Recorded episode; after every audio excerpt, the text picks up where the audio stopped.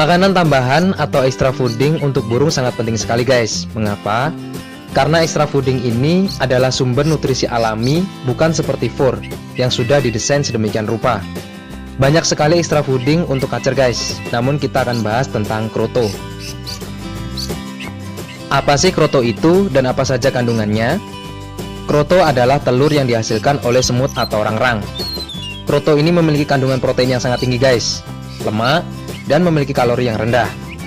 Hal inilah yang menjadi alasan banyak sobat kicau memberikan kroto untuk burung kesayangan. Lalu apa efeknya buat kacer?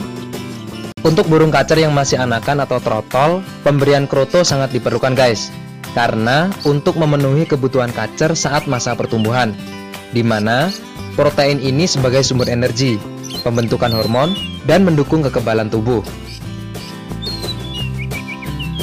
Sedangkan untuk kacer yang sudah dewasa, apalagi kacer lomba, pemberian kroto bisa kita berikan untuk menaikkan birahi dan menjaga stamina si kacer agar tetap fit.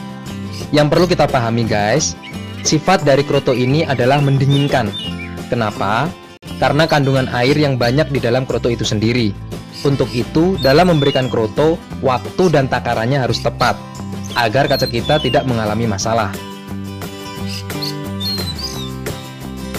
Oke guys, itulah tadi tips dari kita, semoga bermanfaat. Jangan lupa selalu jaga kesehatan, dan kita berdoa agar wabah ini segera hilang. Gantangan lomba burung pun segera diadakan.